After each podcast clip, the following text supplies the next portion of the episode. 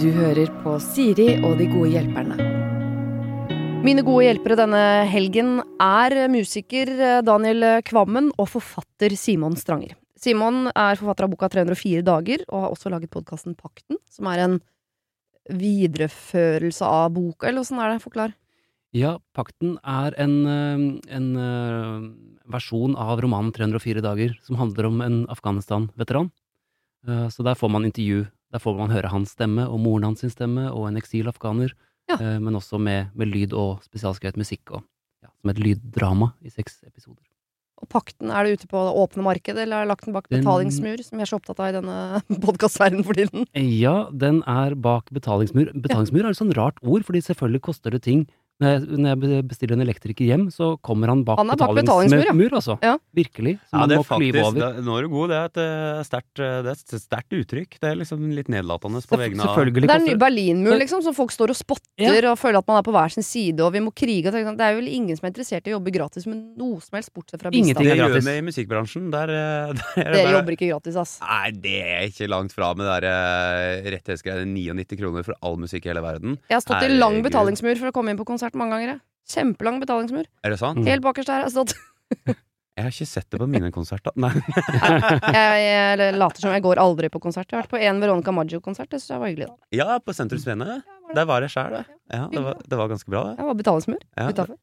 Ok, dette er Daniel Kammen. Kvammen. eh, aktuell i ja, du, Altså, nå er det mye, Daniel. Jeg har vært på det hitmaskinprogrammet på TV2 som jeg skulle ønske jeg huska hva het. Megahit, ja. Megahit. Så har vært på Kjendis-VM på NRK. eh, kommer i Kompani Lauritzen i mars. Ja. Ja, og så driver du med musikk, da. ja, så driver vi med musikk, ja. Ja. Eh, Som Først og egentlig var det jeg drev med før jeg begynte med TV. Ja. Uh, nei, så det mm, Jeg har vært på Jeg har blitt sånn som Står du i en- slags eh, spagat der som du syns er eh, vanskelig å forsvare sånn integritetsmessig? Eller? Nei, egentlig ikke, fordi jeg er så trygg på den musikken min. Så det, det er veldig sånn Det, det mener jeg virkelig. Men, men det var en eh, kompis der Men som kom opp som jeg ikke hadde sett på en stund, og så sa han Han er fra Molde, så sa han at du skulle bli Nei, det her var trønder... La oss Ja, si at han var fra trønder. Trøndelag. At du skulle bli sånn TV TV-tryne, det hadde jeg aldri trodd! uh, og det Da innså jeg plutselig at jeg hadde blitt sånn TV-fyr. Ja. det er jo det er jo noe å leve av med det òg. men du, du har jo Men det er jo sju-åtte musikere igjen som ikke har blitt det, som sikkert sitter i en eller annen mørk hule et sted og ganner dere som driver med TV i tillegg, men Det som er veldig morsomt, er at musikkbransjen er jo så lite, og at eh, med en gang du har gjort det der, så, så du som har vært på TV, tenker jo det her er veldig, veldig morsomt, men Ja. folk i musikkbransjen i, altså, Jeg tør jo ikke gå på pub lenger. Altså, det er hytta med neven og skrik etter med sånn sjel er Nei, bare Mm. finne på ting. Ja, men send de, send de videre på Vinni, da. Send de på Vinni. Vinni har vært med på alt. Han har fortsatt integritet i musikkbransjen. Bare send de på han. Han tar det. Altså, han gjør det veldig bra for tida. Den låta Gloria jeg har sett eh, Han er naboen min, ser du. Å ja. Når han er i Oslo. Ja, det er jo ikke så ofte. Nei. Ok, dere, jeg har jo, eller vi har jo hjulpet hverandre allerede. På Mm. onsdag slapp vi en kort episode av denne podkasten hvor vi hjalp deg, Simon, med å rydde litt opp i det uh, moralske og etiske rundt det å spise kjøtt. Mm. Uh, og så hjalp vi deg, Daniel, med å finne ut av om det var greit at du og dama satt i hver deres etasje og så på og TV hver for dere, eller om dere måtte enes om noe dere kunne se på midten. Det var mer TV. Det var uh, bare TV. Eh, nå skal vi hjelpe andre. Vi skal begynne med en som uh, er litt misfornøyd med pappaen sin. Jeg kan jo ah, 100 relatere på denne siden av bordet. Der, da. Slapp av, han er død. Han hører ikke på dette. Hei, Siri og de går Bare for å sette stemninga. Vi har snakket om døde dyr. Det er en eh, naturlig del av uh, livshjulet, eller hva det heter. Jeg er en 23 år gammel jente og studerer for tiden i en liten by langt unna mitt hjemsted, og trives godt med det. Problemet kommer når jeg skal hjem til høytider og ferier og sånn, fordi jeg har en pappa jeg dessverre ikke kommer så godt overens med. Vi har totalt forskjellig syn og meninger om absolutt alt, og han er ikke redd for å starte en krangel. Det er ikke det at vi er uenige som er problemet, men at han ikke klarer å respektere at jeg har egne meninger og syn på ting.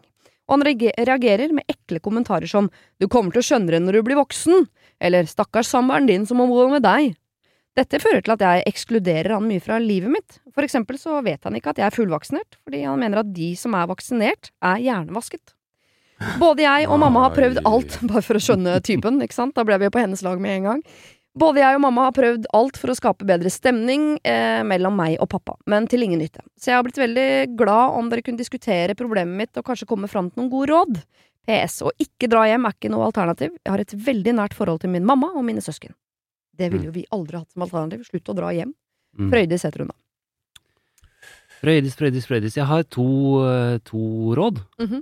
Eh, og, og det første er kanskje det vanskeligste. Det er å liksom eh, eie sine egne følelser i respons eh, i, i møte med andre. Sånn at hva andre folk sier om deg, det Mm. er deres. Eh, sånn at eh, når, når han sier noe om henne, Mm. så tilhører det han, og ikke henne. Så det å liksom huske på at hvis du vet godt hvordan du har det med deg selv, Mm. eh, så kan folk kalle deg hva som helst. Mm. Og det eneste, eneste gangene jeg blir såret av noe, da, Mm. det er jo hvis jeg føler at det stemmer. Ikke sant? Da kan jeg bli sint, eller da kan jeg bli såret, mens hvis jeg virkelig klarer å kjenne etter at liksom, nei, det der stemmer jo ikke, jeg er jo ikke sånn, så det, det tilhører deg. Da, Ja. Snakker Men- vi om å sette opp en slags betalingsmur rundt sine egne følelser her nå? Den eneste måten du kan komme innenfor på, er med kjærlighet. En mer sånn zen-mur. Ja. Ja, det er trygghet, det er eh, trygghet dette handla om, ikke sant? Indre Ja. ro. Ja, for det er noe hun lar seg jo veldig prege av hva han sier og mener i møte med henne. At hun, det, hun Ja, det- slutte med det på en eller annen måte. Det gjør vi jo, det er en del av menneskenaturen, ikke sant? At vi har Ja. disse speilnevronene som gjør at vi speiler hverandres atferd. Ja. Og der, der kommer empati inn, og der kommer læring inn, og der kommer hele det sosiale spillet inn. Ja. Men eh, kostnaden ved det er jo at man kan bli dratt inn i andre folks følelser som ikke handler om en selv. Ikke sant? Sånn at, sånn at hvis, eh, hvis du hadde vært skikkelig sur mot meg nå, så er det vanskelig å ikke la seg affisere av det, fordi vi er, vi er veldig sosiale. Er, Absolutt. men er det en muskel man kan trene opp? Ja, det er det. Eh, det tenker jeg det er en muskel man kan trene opp med å, å kjenne etter hva er eh, Hvordan er jeg? Hva syns jeg selv om meg selv? Ja. Syns jeg at det stemmer når pappa sier at jeg er bla, bla, bla? Og når det kommer til, når det kommer til at han eh, bruker alderen hennes, så er det jo et veldig billig triks. Ingen av, oss, ingen av oss kan noe for når vi ble født.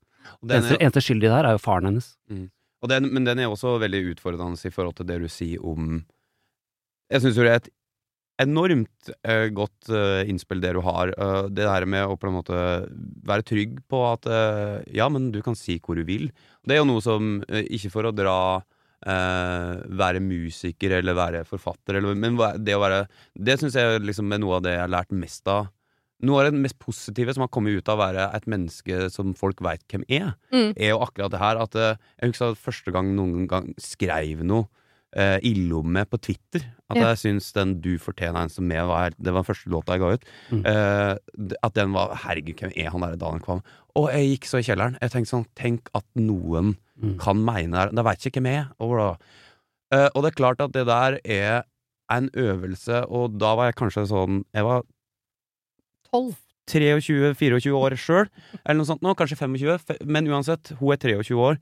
Det er jo en alder der det er veldig vanskelig, og det der Mm. er jo noe som tar mange år å lære seg, men det er et helt enormt sterkt eh, eh, tips, da. Og Ja. på en eller annen måte bare kjenne på at eh, du, vet du hva, at eh, du sier det der om meg, det, det er ikke sant. Det, du kan du kan si akkurat hvor du vil, og hvis han klarer det, så da kommer han ganske langt i livet. Men da er mitt oppfølgingsspørsmål, fordi jeg er enig i det, så lurer øh, Jeg er jo Jeg liker jo ikke motstand. Jeg liker ikke at folk er Mm. uenige med meg, eller egentlig snakker til meg overhodet, med mindre de applauderer bare Mm. akkurat det jeg sier. Beklaga. Mm. Men øh, Det var veldig godt sagt. overdriver. Tusen takk. Eh, men fordi hvis man da skal sette seg bak denne slags muren, da, på en måte ikke la seg påvirke så mye av det, i hvert fall prøve, skal man ha noe tilsvar? Fordi det ville vært veldig fristende for meg som en eh, liten glefser på to bein å Mm. svare tilbake eh, til min far eller til de som gir motstand, så har jeg veldig lyst til å, å svare. Ja. Men skal man holde seg for god til det? Ja, det, det er mitt tips nummer to. Ja. Det er å si til han eh, hvordan det får henne til eh, Hva det gjør med henne. Hvordan det får henne til å føle seg. Oi, Ja. mener du det? Og Når du gjøre han sånn, ansvarlig. Når, han, når, når du sier at det her kommer du til å, å øh, skjønne når du blir eldre, Mhm. så føler jeg, pappa, at du ikke tar meg på alvor.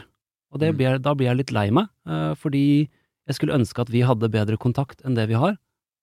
Øh, men jeg føler at du ikke tar meg på alvor når du sier sånne ting. Men kan Men funker det, det på alle? Fordi jeg hører at det er pedagogisk eh, riktig å gjøre, men funker det på sånne folk eh, Sånne folk som jeg, jeg tegner et bilde av at han her er? Eller er det for avansert pedagogisk eh, og emosjonelt språk for dem? jeg mener det at der Jeg er veldig for den tilnærminga generelt i livet. Å bare si du, nå er jeg lei meg. Det her var dumt. Jeg synes, nå syns jeg du er urettferdig.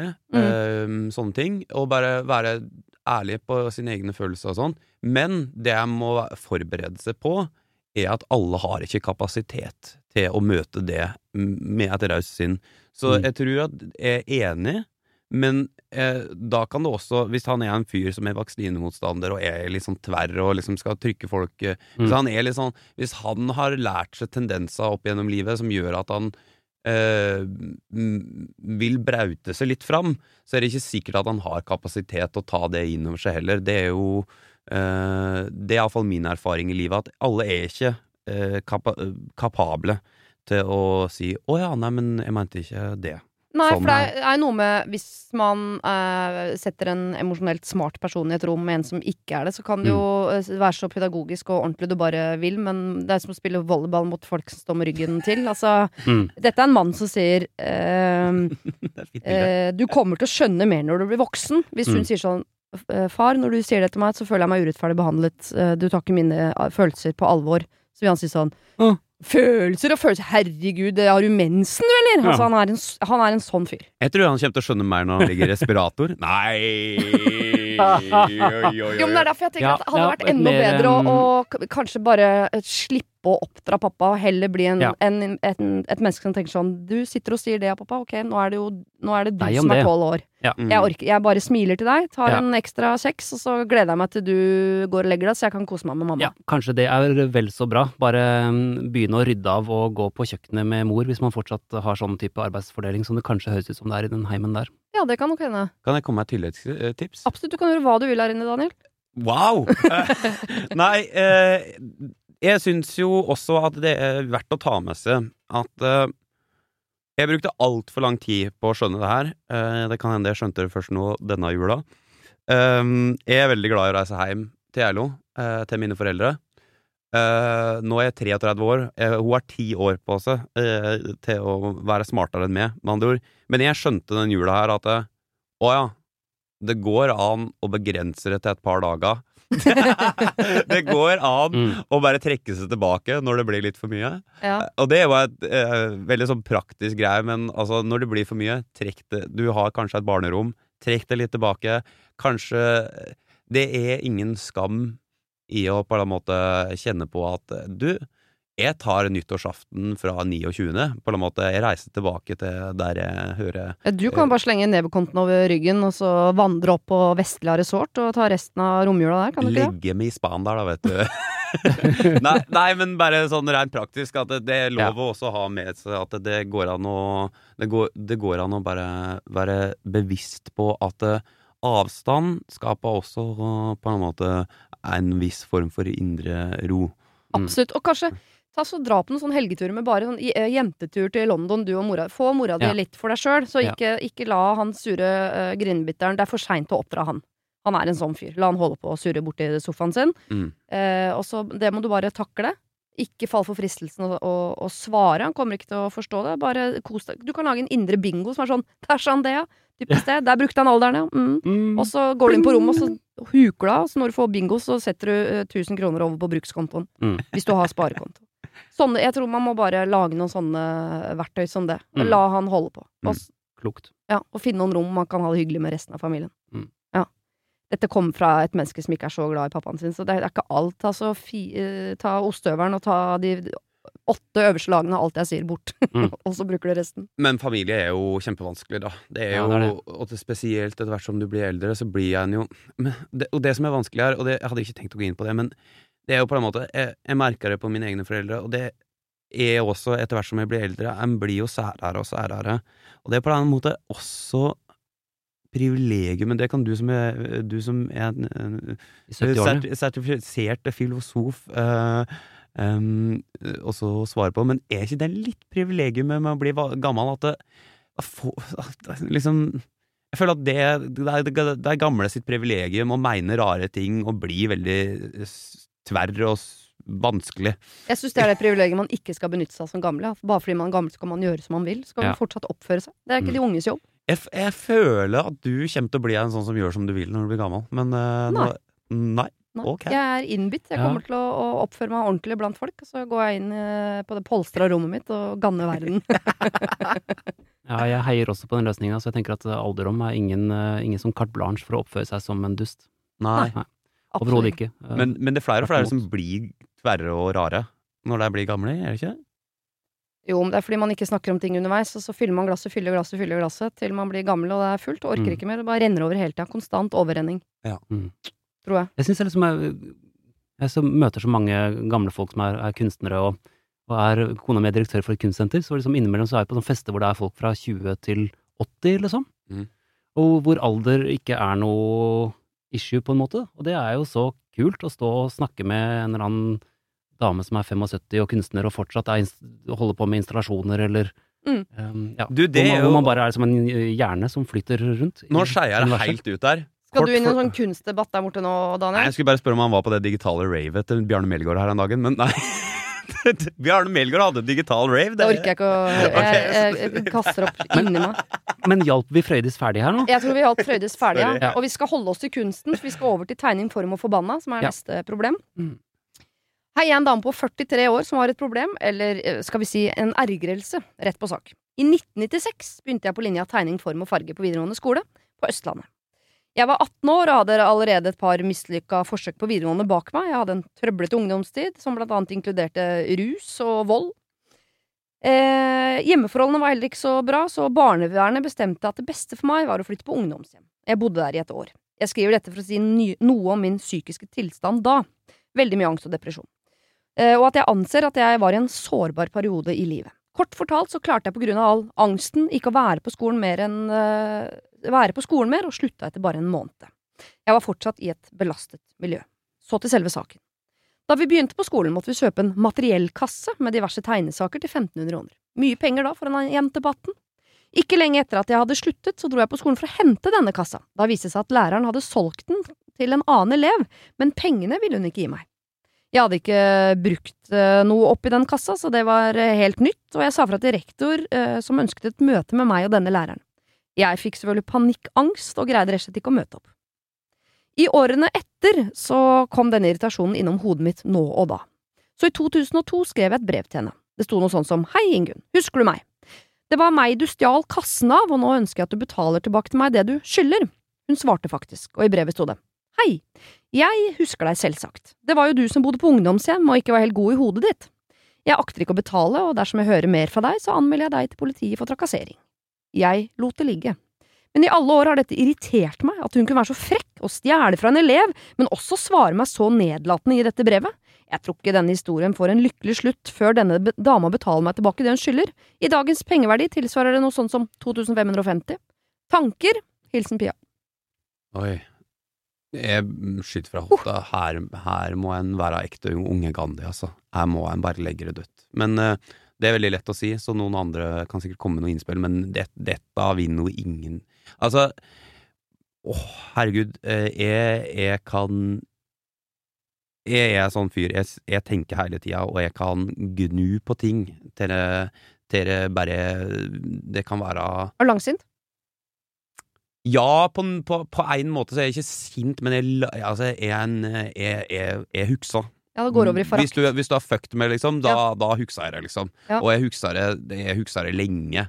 Uh, og liksom, jeg kan eh, ta en Jeg kan ta stein og få det til å bli til grus og til sand, liksom. Så mye tenker jeg på det, hvis du skjønner.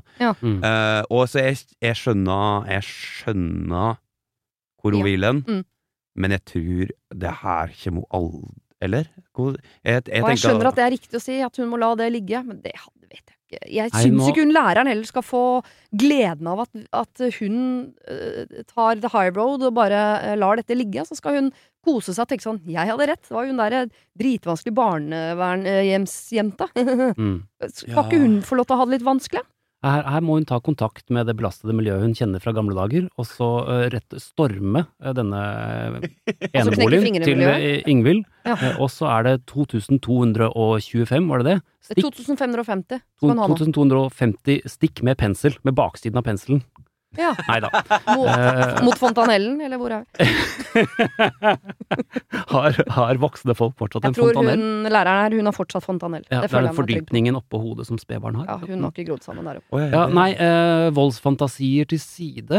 Mm -hmm. uh, Så denne, denne sårbarheten som man hører i tonen i dette brevet, som hvor de sist hadde kontakt for nesten 20 år siden, 2002, ikke sant? Mm. Så det dreier seg jo ikke om de 2250 kronene, men om følelsen av å bli um, Hva er ordet? Jeg er forfatter, så jeg burde jo komme på det, men det gjør jeg ikke. Liksom Lag bli- en metafor. Ja, at- at- Urettferdig behandla, snytt. Det er så sitter en komiker. Vær Ja. morsom! Så dårlig gjort. Ondskapsfullt. Trekker det tilbake. Ja, men at, at hun blir urettferdig behandlet, at hun ikke blir Hun blir eh, sett ned på, eh, og at hennes historie eh, på en måte rettferdiggjør eh, at denne læreren bare kan rane henne, som Mm. er jo egentlig det, det faktiske forholdet her. Mm. Eh, fordi du er et barnehjemsbarn, eh, så tror jeg ikke du kommer til å komme tilbake igjen. Du har slutta på skolen, jeg bare selger dette her videre. Ja. Og, det, og det ræva har gjort, jeg, jeg skjønner det. Altså, det er så det, Hun er så fæl, hun Hun er så fæl, hun uh, læreren, da. Ja, det, det, det er kjempefælt, og det skal hun vite. Men jeg må også påpeke bare at når en har kommet til et nivå at det er 20 år, og hun har, Mm. regnet, hun har sittet og regna på eh, 200 og- det er, altså, det er på 50-lappen, liksom. Altså, Mhm. det, er, det, er, det er inflasjon og kurser og liksom Altså, det, det, det er mye tankekraft som har gått inn i det her. Og det som er, til tross for, hvis du hører på, ha, at du har blitt veldig dårlig behandla, så tror jeg også du legger i dette her ganske mye av hvordan du generelt har blitt behandla, eller hvordan ting har Mm. vært for deg. Dette er et uttrykk for noe annet enn den kassa, eh, tror jeg også. Jeg Jeg, eh, og jeg tror hun legger veldig mye i den kassa som ikke er den kassa. Så jeg, jeg vil kanskje, hvis jeg vært Hvis jeg hadde vært hennes psykolog, så hadde jeg tenkt la oss prøve å løse det på et større plan, og Mhm. legge den kassa død. Mm. Fordi det eneste hun får ut av å gå etter den kassa og den læreren, er jo konflikt Mm. og nye dårlige vibber, liksom. Det, det som kommer til å skje, er at hun kommer til å ta kontakt med henne. Det blir krangling. I beste fall så blir det krangling. Kanskje hun får pressa at det er to- to- 2550 kroner ut av henne. Mhm. Og så blir det, men det blir en, sikkert en ubehagelig opplevelse. Ja. I verste fall så blir det politianmeldelse og ubehagelig opplevelse. Det, det kan ikke komme noe godt ut av det. Og det som er sannheten, er at det er nok noen djupere tendenser her, altså noe, noe som ligger djupere i, og som handler om å bli urettferdig behandla på et generelt nivå, som hun putta inn i den kassa. Ja, så du tenker, Hun vil jo legge læreren død, men du vil at hun skal legge den kassa død, og det er jeg helt enig i at vi må glemme den kassa og de pengene. Det brevet reagerer jeg på, fordi det er noe med at her har vi med en jente å gjøre som har hatt en vanskelig oppvekst. Eh, Hun har blitt sviktet av de omsorgspersonene hun har rundt seg på et eller annet tidspunkt. De har ikke klart å håndtere henne. Kommer da inn på en skole hvor det er læreren er også en omsorgsperson som skal Mm. kunne se deg og hjelpe deg. Og så får du et sånn type brev hvor hun på en måte bekrefter at du var en uh, pain in the ass, og, uh, altså, og så blir hun røska tilbake til der hun var. For jeg tipper Pia er på et veldig bra sted i livet sitt nå. Hun skriver i presens alt dette var sånn var det før, jeg hadde Mm. det vanskelig. Jeg tror Pia er på et godt sted nå, og så ligger dette og gnager. Og så sender hun det brevet, og så blir hun røska rett tilbake eh, av en omsorgsperson som sier dette. Altså, jeg blir så provosert av det brevet at jeg, jeg, jeg har mer lyst til å legge læreren død enn den kassa. Mm. Men jeg er villig til å se eh, Å legge bort de pengene og sånn. Men det brevet syns jeg ikke hun skal slippe unna med. Hva hun skal gjøre med det brevet, om det skal uh, opp på uh, boards på skolen der hun jobber, eller uh, hva hun skal gjøre med det brevet, det vet jeg ikke, for jeg er altfor pubertal til å ta den avgjørelsen. Men det brevet må Og det, det kan ikke gå ustraffet. Du mener heller at hun da skal kjøre en slags sånn eh, gå til Svertekampanje. Svertekampanje Oi. Nei, vil er det, er det mulig å sverte andre uten å sverte seg selv? Nei da. Ikke sant? Dette kommer fra mitt pubertale er det. Sjelemessig. Hva, hva gjør vi mot oss selv når vi gjør mot, no, noe mot andre?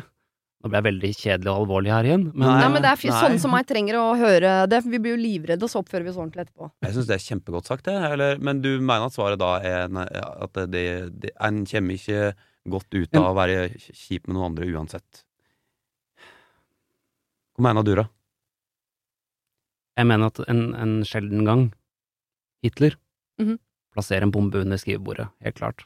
Ja. Men uh, i, i stort sett i uh, situasjoner som ikke dreier seg om uh, psykopatiske diktatorer som styrer verdenskriger, så litt enklere, renere, ikke, Mm. ikke voldelige, ikke eh, tilsmussende midler.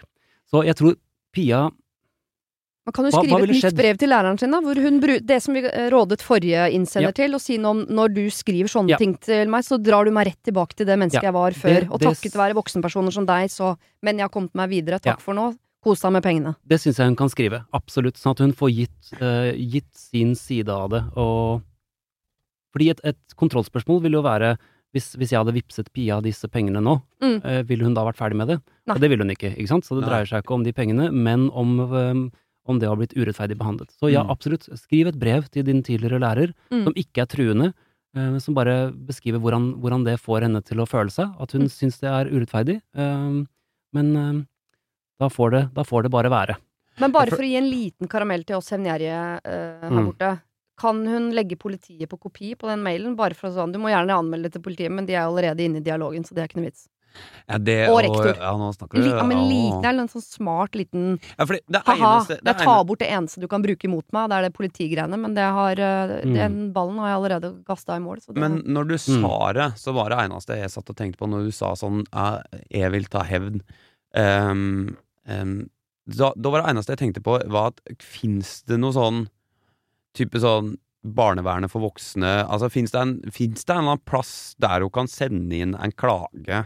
Altså det er jo sånn Rektor, da, ja men, ja, Mm. men, ja, men du får jo sånn Du får krigserstatning hvis du har blitt dårlig behandla under krigen eller noe sånt. Nå. Ja. Fins det noe sånn for skoleverket, på en måte? Fins det noen plass For det må jo være det eneste som på en måte kunne liksom på en måte eh, virkelig Og da kan en sende Da kan en jo på en måte hinte til det i eventuell videre kommunikasjon og sånt, men Mm. altså noe sånn men da det- gjør man det så stort, da. Da tar Mm. man jo en bagatell man kan, eller noe man kan gå videre fra til noe altoppslukende. Jeg Men bare Ja. få sendt det punktumet, liksom. Et litt langt punktum med mange punktum, da. Men til læreren, bare for å få sagt sånn Mm.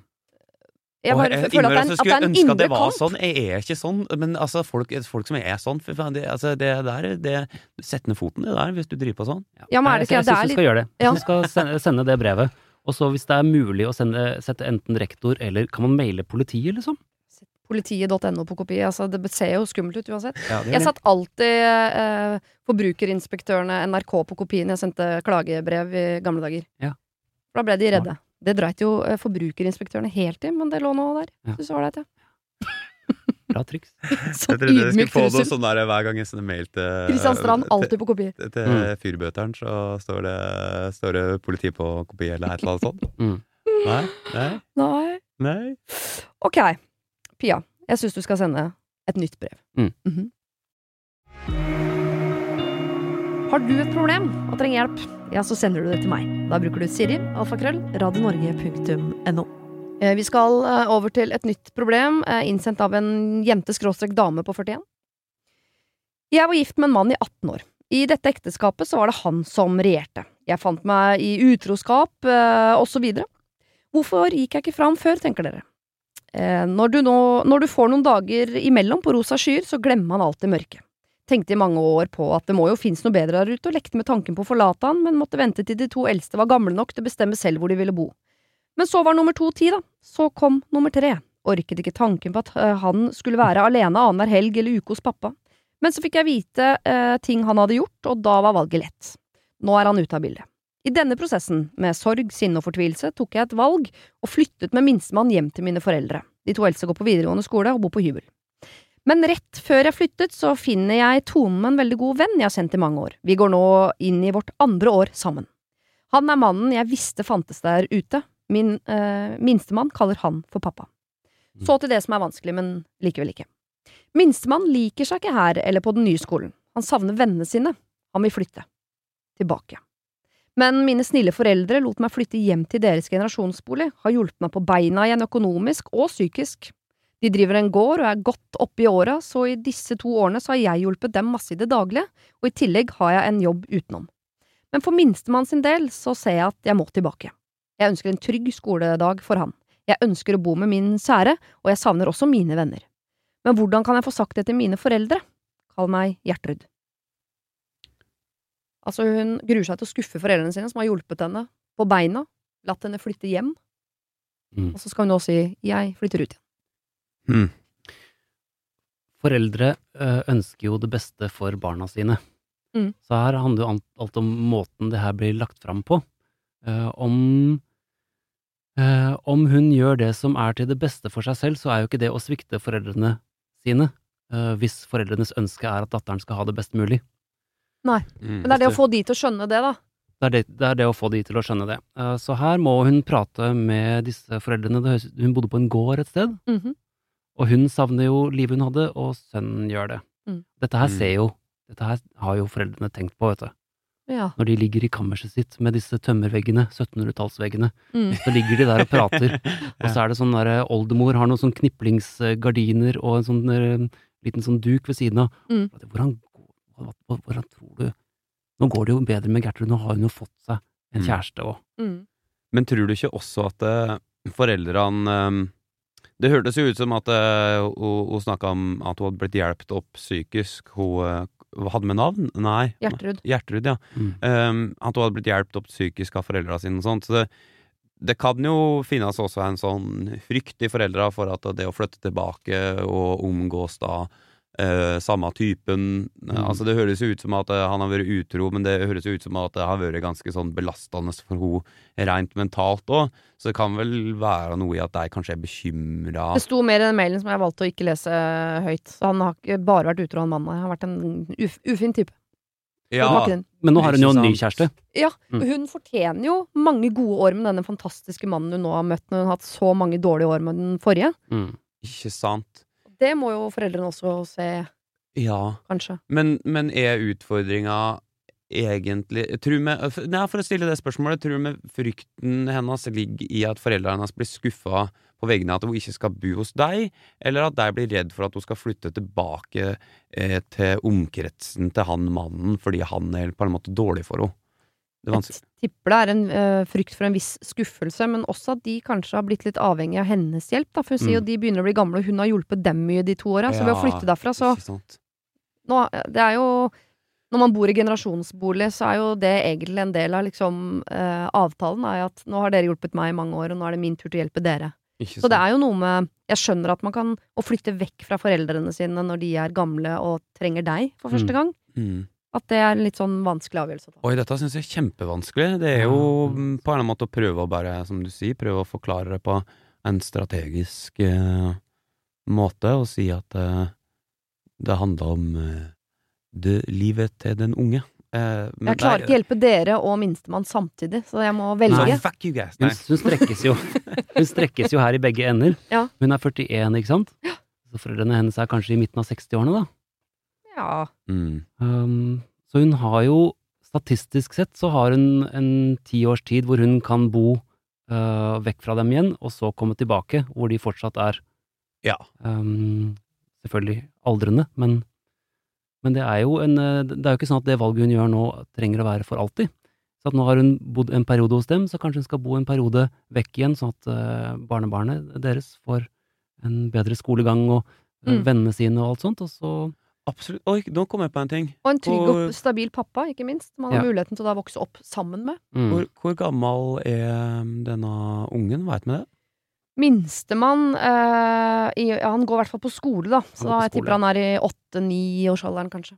Ja, men det er også sånn som jeg har lært, da, for jeg har ekstra barn, jeg. Eh, Jeg har ikke barn sjøl, men mm. du hadde også unger, og du har jo unger. Mm -hmm. Det jeg har lært, er jo at det er liksom strategiske tidspunkt. og Hun kan jo, bu, hun kan jo på en måte eh, bo i byen, eller der han faren bor, den gamle skolen, der vennene er til den ungen, kan hun jo bo helt til det kommer et sånt strategisk ungdomsskole, videregående, liksom. Ja. Altså, at det finnes, det, sånn har jeg skjønt at det er sånn han gjør det, at hvis han vil bytte eh, plass å bo, så, er, så gjør han det strategisk når Ja. også skolen skal byttes.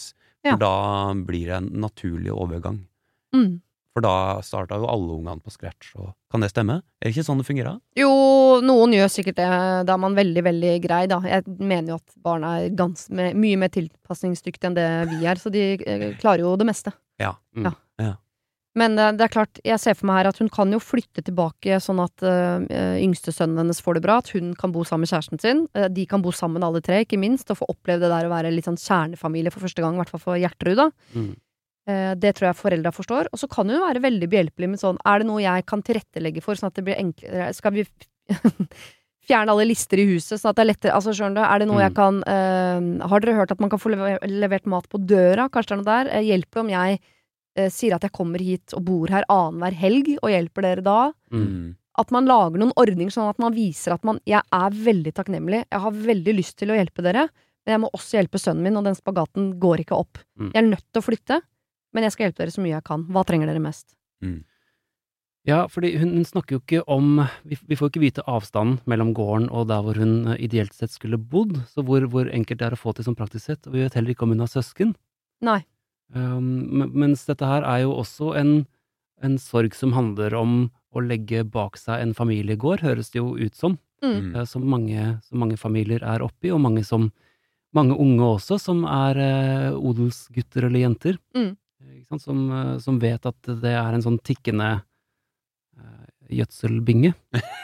Men hun skriver at de er godt opp i åra, så jeg tror vi skal forbi 60-tallet som vi var på Ja. i stad. Tipper de Vi må nok opp, Oppi krype oppover mot 70 70 og forbi, kanskje. Ja. Ja. Mm. Godt opp i åra er ikke lov å si om 60-åringer, altså. Det, Nei, og så høres det jo ut som at eh, det er et stykke også, da. At eh, hvis det er snakk Ja. om gård, og, så er det jo fort det at det er Men tror du, siden hun har eh, et så tett forhold til den nye kjæresten at minstemann kaller han pappa, men han bor jo der de vil flytte, så kan det ikke være sånn at de ses til jul og påske, liksom. Nei. Jeg tipper de Men- ses ganske ofte, ja. Mm. Nei, altså, men eh, du hadde jo en fin løsning, eh, løsning der, syns jeg. Ja. Med å ta denne samtalen og legge det fram, sånn som du gjorde nå. Og så får hun se hvordan det går. Flytte, Altså- tilrettelegge og Mm. besøke så ofte hun kan. Og så har hun jo bodd aleine før, så det, er altså, det er jo det er mest sannsynlig så, det, så går det jo greit. Ja. Og Og i hvert fall ta den samtalen, for Ja. alt du vet, så sitter de og tenker sånn å herregud, nå må hun flytte ut snart. Jeg orker ikke. Det, Det tenkte jeg også på. Ja. Det vet man ikke. Hun sitter jo bare ute fra sine egne tanker. Ja. Og gjetter, egentlig. Innimellom så gjetter vi jo feil om andre menneskers følelser. Det har skjedd. Vi gjetter jo stort sett feil. Stort sett gjetter vi feil. Ok, dere, vi skal tilbake til jula. Orker vi? Ja. Gledelig jul. Her kommer det et post juleproblem. Mm. Eh, Kall meg Liv og forloveden min for Lars. Jeg og Lars startet å feire jul sammen i 2020. Da feiret vi med min familie. Mens denne julen feiret vi med moren hans. Lars har altså skilte foreldre, mens mine er sammen. Med det kom jo det store spørsmålet. Hvor skal vi feire neste år? Vi finner to logiske løsninger på dette.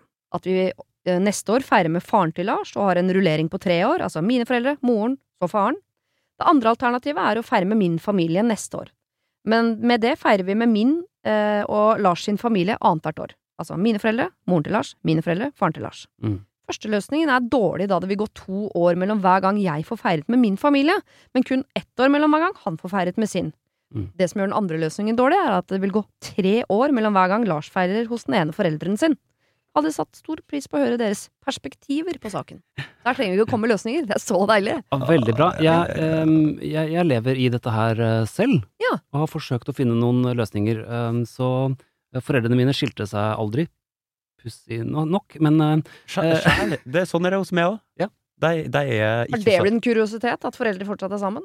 Å ja, nei, men er de, de er ikke sammen, men de er Jo, eh, faren min er død, men det er nå Det, er- det Å har liksom alltid vært nei. en eh, Mm. De er sammen. Ja. For kona mi sin del, Ja. så har eh, moren hennes skilt seg to ganger. Hun har nå sin tredje mann. Mm. Ja. Men han Eh. tredjemannen trenger vi ikke å feire jul med, eller?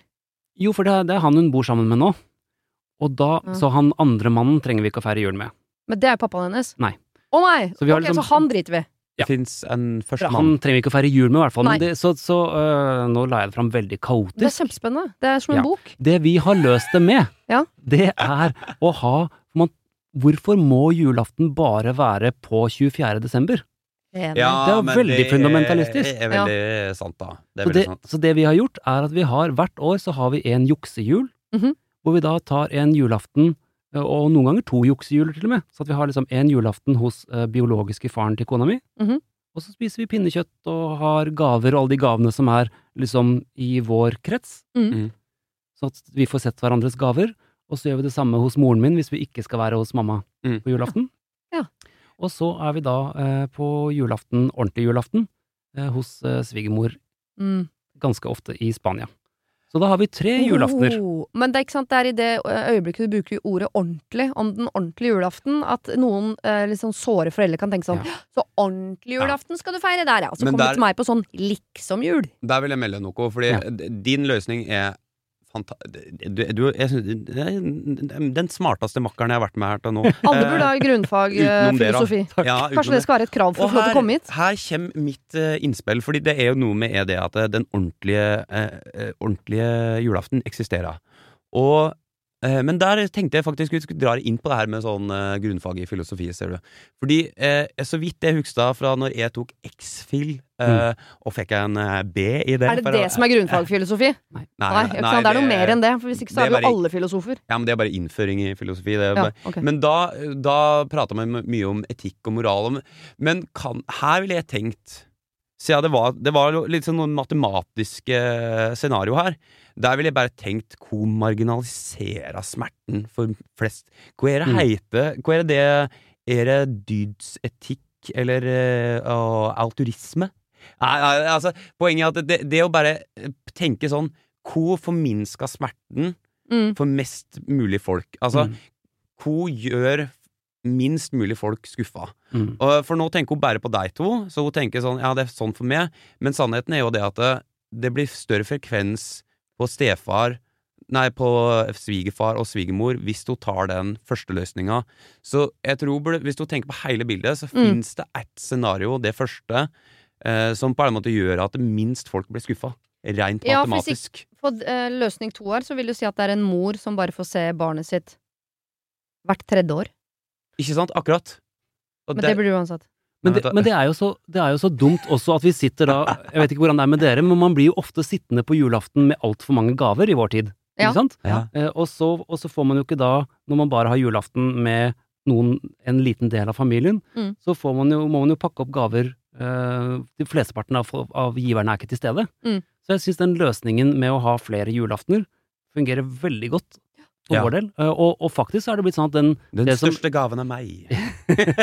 det som er den ekte julaften, ender opp med å bli den minst ekte, for den feirer vi ganske ofte i Spania, hos Ja. uh, svigermor der. Ja. Og hun har ikke noe sånn juletradisjons Hun kommer fra en jødisk familie. Ja. Så det er liksom eh, litt julepynt i en eller annen potteplante, og så spiser vi and eller et eller annet. Så, så det er liksom den minst julete dagen. Har du sett på Friends noen gang? For der, har, Ja. der er, han er jo eh, Han er vel jødisk, han Ross, så han prøver på da å feire med en I sånn så fall er også Monica, for de er jo søsken. Ja, men det, han prøver å da feire for sin sønn, så prøver han å feire sånn jul med en sånn The Holiday Armadillo. Og det her er jo sitcom på sitt beste, der det blir altså så mye. Men det er ikke sånn. Nei. Nei. Nei, det er ikke sånn. Men, så, men det er bare sånn at det ikke er så det, For moren min så er det en mye viktigere tradisjon med julaften, og, og mye mer av de der, det ordentlig norske, eh, med, med å bruke bestikk fra, som er fra oldemoren min, uh, servise som er fra en gammel gård, Uh, liksom den, den følelsen av tiden som renner, som vi er en del av, da. Mm. Uh, at det er en mye større del av, av julaften hos moren min, uavhengig av hvilken dato det er. Og jeg håper og tror, jeg har aldri spurt henne av frykt for at hun skulle si vet du hva, jeg syns egentlig ikke det fungerer så godt med juksejul, men eh, jeg håper og tror at hun syns at det fungerer ehm, så godt som jeg, som jeg syns, da. Men da har dere gjort det Daniel sier, at dere har tatt hensyn til å på en måte minimere uh, Ja, smerten. smerten hos For flest mulig. Og jeg er helt enig at vi må jo nok ut, utenfor våre egne landegrenser for å finne løsningen her. Eh, Mm. At man feirer norsk jul og britisk jul. Altså at man har det på Ja. 24. og 25. At man uh, liksom Ja. leker litt med datoer og når man åpner og hva man spiser og sånn. Absolutt. Men man kan også gå til andre land, mer sånn sør-sør i Italia. Litt sånn jeg, jeg mener ikke den dårlige siden av mafiastemningen, men den gode siden av mafiastemningen, som er den La Familia-stemningen. Som er hvorfor ikke samle familiene? Ja. Det kan godt hende at denne mor og far til Lars ikke kan samles på julaften fordi de blir som hund og katt og begynner å klore hverandre i fjeset. Det vil vi ikke. Men kan Sånn som Jeg feirer jo jul Ja, ja, ja. hvert år med både min mor og min manns mor, fordi vi inviterer begge to hjem til oss. Lurt. Og vi kan jo da se for oss at familien til Liv ett år må feire sammen med eh, pappaen til Lars, og ett år sammen med mammaen til Lars. Ja. Så vil Liv da se foreldrene sine hvert eneste år, og Lars ser også én av foreldrene sine hvert eneste år. Og det, det kommer til å gå seg til også, fordi det der er Min erfaring er det her. Eh, Jeg lever med det, det her er, Jeg vet ikke hvorfor jeg deler det her, men det er det rareste. var egentlig det jeg mente i stad. Mine foreldre er ikke sammen, men de har aldri skilt seg. Jeg ikke veit jeg hvorfor. Det, men Har de gifta seg, det? Ja, en gang De er bare gift i hver sin leilighet. har de fått barn? ja, ja, det er visst meg og to andre. Um, nei, og, men de er på en måte livsledsagere uansett. De, de, de, de feirer jul sammen hver eneste jul. Og, Det er perfekt ring! men, men, så Sånn det, men så fra Så har jeg blitt del av en familie der der det oh, Jeg vet ikke om jeg kan si det, men det har kanskje vært en litt vondere sånn, et vondere brudd mellom mor og far til min kjæreste innimellom. Men de har også liksom fordi de er ålreite folk begge to, og sånt, har liksom havna på en plass der at eh, nå er det sånn eh, han, pappaen kommer hjem og feirer jul med deg, men sender oss nye mann ned der og sånt. Og det, det er sånn tiden, du snakka om tidens elv. er mest sannsynlig Så hvis det, er, hvis det er sånn at det er litt vanskelig nå, så kommer dette Det er jo veldig greit å ta til seg. Det blir enklere med tida. Ja. Plutselig kan du kjøre La Familia hvis det ikke er mulig nå. Ja, det er det Mm. jeg mener med de litt sånn åpne dørene hvor alle er velkommen. Jo, jo flere, jo hyggeligere. Jeg, sånn, jeg har en venninne som feirer med sin eks og Mm. hans nye kone. Mm. Min far også gjorde det. Feira med sin kone og hennes eks. Jeg tenker Mm. sånn hvis det, hvis det ikke liksom er sånn at man vet at en eller annen gang i løpet av kvelden så begynner folk å klore hverandre, så tenker jeg at åpne opp dørene, invitere så mange som øh, mulig. Mm. Hvis det er øh, logistikkmessig også mulig, så tenker jeg at Liv og Lars har jo flere muligheter enn de er klar over. De kan feire med alle. Alle, til og med. Hvis, både, hvis moren og faren til Lars Veldig god idé. Ja. Mm. Mm. Nå har hun flere forskjellige løsninger. Ja. Hvis de klorer hverandre, eh, ha flere juksehjuler. Eh, Hvis de ikke klorer hverandre, ha la grand familia. Ja. Mm. Så enten hente inspirasjon i uh, den britiske julen, eller den sånn uh, Sicilia-julen. Mm. det er det jeg føltes uh, Og hvis man skal kjøre den. Cecilia-julen sånn skikkelig, så nå har dere å oppføre dere. Eh, hvis ikke Ikke sant?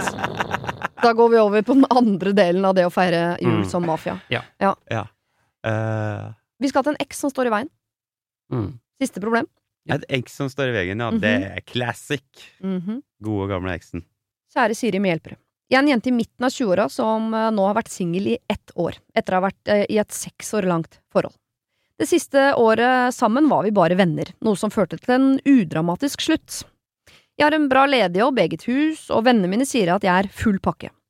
Vi har to hunder som bor hos meg, men han passer dem når han ønsker eller hvis jeg skal bort. Vi snapper, sender hverandre morsomme ting på Instagram eller ringes hver dag. Vi møtes sjelden fysisk, annet enn ved overlevering av hundene, da, og da er det litt rar eller trist stemning. Jeg klarer altså ikke å gå videre. Selv om jeg vet at et forhold med han ikke vil funke. Eller kan det det?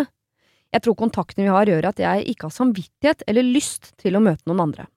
Vi er fortsatt i et forhold på Facebook, og frykten for å såre han dersom jeg treffer noen andre er kjempestor. Å finne en ny som deler akkurat samme humor, tanker og meninger virker helt uoppnåelig, så hva gjør jeg? Må jeg kutte kontakten? Det vil jeg jo ikke. På forhånd takk for deres meninger. Hilsen jente som ikke forstår egne følelser. Kall meg hva dere vil. Ja. Ja. Tilbake til tiden selv. Det går jo over, da. Men det er jo Skal vi Det kalle henne bare noe først? Mona, eh, Mona ramla ned hos meg. Mona, Ingrid Alexandra. Nei, jeg, jeg, jeg, jeg bare, du kjent ved det navnet? Jeg bare prøver. Nei, Mona. Du, jeg, det, her, det her relaterer jeg veldig til. Jeg er en eh, langfølt type. Jeg syns det er En hva for noen type? en langfølt type. Det er et Langfølt, uttrykk jeg har lagd sjøl. Ja, du er både langsint og langfølt, så alle Ja. følelser hos deg varer lenge. Ja. Mm. Og jeg syns at det å gjøre det slutt, og at uh, en ikke skal ha med Om det bare er vennskap, eller liksom Hvis det er en, en relasjon som brytes av en eller annen grunn, da, som det, som det gjør i livet, og spesielt kjærlighet, da, Ja. så syns jeg det er så vondt. Og jeg greier ikke liksom og det, det, det, jeg har det sånn som hun, at det liksom sånn Men det er nok ikke sånn at det står i veien for at jeg ikke kan leve videre. Eh, men jeg bare Det kan på en måte forme livet mitt ganske lang tid etterpå, da. Mm. Eh, Rent emosjonelt. Og sannheten er jo bare det at det, det Kanskje hun må ta noen grep. Kanskje hun må på en måte slutte å treffe han ei stund. Mm. Uh, men det er tiden selv, altså. Det går over. Og jeg veit om det er et veldig sånn teit svar, men det er jo bare å vente. Ja. Har jeg lært. Mm. Eller er det for teit? Nei, jeg bare, sorry, Jeg jeg, ble havna inn i en kassegitar, fordi dine grep er jo grep på gitaren, og så Mm. setter du toner og tekst til de følelsene du lever lenge. FMI7 nå. Ja. Ja. Men Mona, da? Mai, ja. ja. Kom F-My7 med ditt milde ja, Nei, hvor var vi? Eh, Mona, jeg tenker at de, de tingene som vi gir oppmerksomhet, de næres jo. Mm. Eh, Så de vokser. Så de, de, eh, de tingene vi, vi oppsøker og tenker på, og sånn som hun gjør, at hun har kontakt innimellom daglig, skriver hun vel, Ja, Eh, daglig. på eh, Alltid. Tror jeg. Instagram. Ja. Så da er hun jo, da fortsetter hun jo å nære dette forholdet som egentlig er en død plante, har hun Mm. bestemt seg for. Ja. Hun vanner en Så død plante. Hun vanner en død plante, og da dør den ikke. Det var ble, ble et veldig rart bilde, siden jo, jeg sa den var død. For eksempel kan jo stå død i vinduskarmen i et år, og så plutselig får den Hun holder den levende. Ja. Det er et bedre bilde. Så Men da det kjempebra bilde, syns jeg. Ja. Ja. Og det, det var jo faktisk Det er jo det, kanskje det at det, du, du kom Du sa det mellom linjene der. Mm. Det kanskje ikke handla om å kutte kontakten, men det handla om å kutte ned på kontakten. Det Ja, altså må vanne litt først- eh, sjeldnere. Den kan jo fortsatt Hvis- blomstre. det som, det som de har, som de er nødt bikkjene. til å De har hundene, da. Ja. Ikke sant? Så at hvis hun, hvis hun dropper å svare han så mye eh, på Instagram og SMS og hvordan de nå enn har kontakt, og så Mm. sier hun at det blir rart og litt sånn awkward når de møtes og, for å overlevere hundene, Mm. for da er det fysisk, ikke sant? Så Mm. da er de der som virkelige personer, ikke bare som følelser og sjeler i det digitale universet. Så jeg vil tipse henne, hvis hun, hvis hun, som det høres ut som, hun egentlig har gjort et valg på at hun ikke skal bli sammen med han igjen, Mm. da må hun slutte å vanne dette forholdet. Ja, får du inntrykk av at hun har eh, bestemt seg for det? Mye spørsmål sånn Eller kan vi det? Eller skal vi det? Eller kanskje Jeg, jeg hører en jente her som vil at vi skal si sånn Herregud, bli sammen med han fyren, da. Høres helt perfekt ut. Nei! Hun, hvis vi hadde sagt det, så hadde Mona blitt sammen. Åh, men hun er i midten av 20-åra. Det her er så typ Nei, det der, skal, det der skal være slutt, tror jeg. De var venner siste året, og det var Ja. helt problematisk. Og det er det som er farlig ved å nå som de da driver og småvanner denne Mm. planta uten å treffes fysisk så ofte, Mm. så blir det jo en, en falsk følelse, fordi du får bare de bitene av han som er akkurat nok til at du husker de gode tingene. Ja. Og så har du glemt hvordan det var å bare sitte inne i leiligheten sammen med han dag ut og dag inn det siste året hvor dere bare var venner. Tafatte Ja, hvor det var litt sånn ensomt, da. i- Ja. Nei. Jo, jo, men det er, du må huske de tingene du også irriterte deg over, som Mm. antageligvis ikke fins inne på Instagram, eller ja, Mm. En sånn ting man kan gjøre helt sånn som, Det høres Og- slemt ut, men jeg husker jeg hadde en eks som jeg brukte lang tid på å komme over. Mm. Og så hadde vi en sånn etter, og det, var hvert, det hadde gått i hvert fall et år, hvor vi ramla borti hverandre igjen og tenkte sånn Og, og merka at vi er ikke ferdige med hverandre. Mm. Og prøvde. Klina litt og sånn. Og så merka jeg sånn Å, herregud, det er jo helt jævlig. Mm. Eh, Da fikk jeg en sånn fysisk reaksjon på sånn Ikke vær nær meg. Det er dritekkelt, Mm. på en måte. Mm. Så det kan hende, som en sånn Mona, at du skal Prøv det.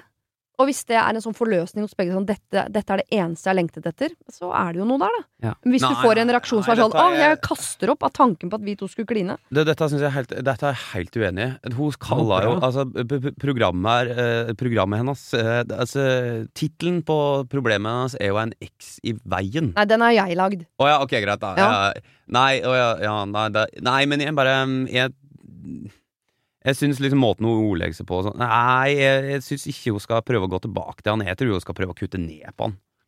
Et forhold med han vil ikke funke. Eller kan det det?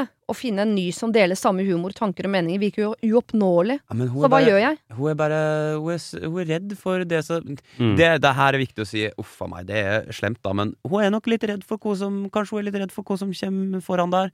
Fins det noen andre? Det gjør jo det. Ja. Ordna seg, liksom. Men Eh, dette her, hun har vært sammen med han i seks, akkurat sånn som meg, seks år, tidlig i 20-åra. Det kommer til å stå i livet ditt som en bauta for bestandig. Mm. Absolutt. er det sant? At, ja, du kommer ikke til å glemme han noen gang. Kommer til å sammenligne alt med han. Det er derfor jeg bærer samme dame i starten av 20-åra. Og så på et eller annet tidspunkt så møter du en mann som tenker sånn Å, herregud, heller han. Men Mm. du glemmer ikke han forrige likevel. Tror jeg. Fordi den første kjærligheten, det er han Du finner ut av alt med han. Du finner ut av hvordan det er å være kjæreste som voksen, du finner ut av hvordan det er å, å kanskje bo borte fra foreldre med en annen gutt, du finner ut av alt. Det intime finner ut av sammen. Ikke sant? Det er så mye man finner ut av sammen, at Mm. det forholdet går ikke i glemmeboka.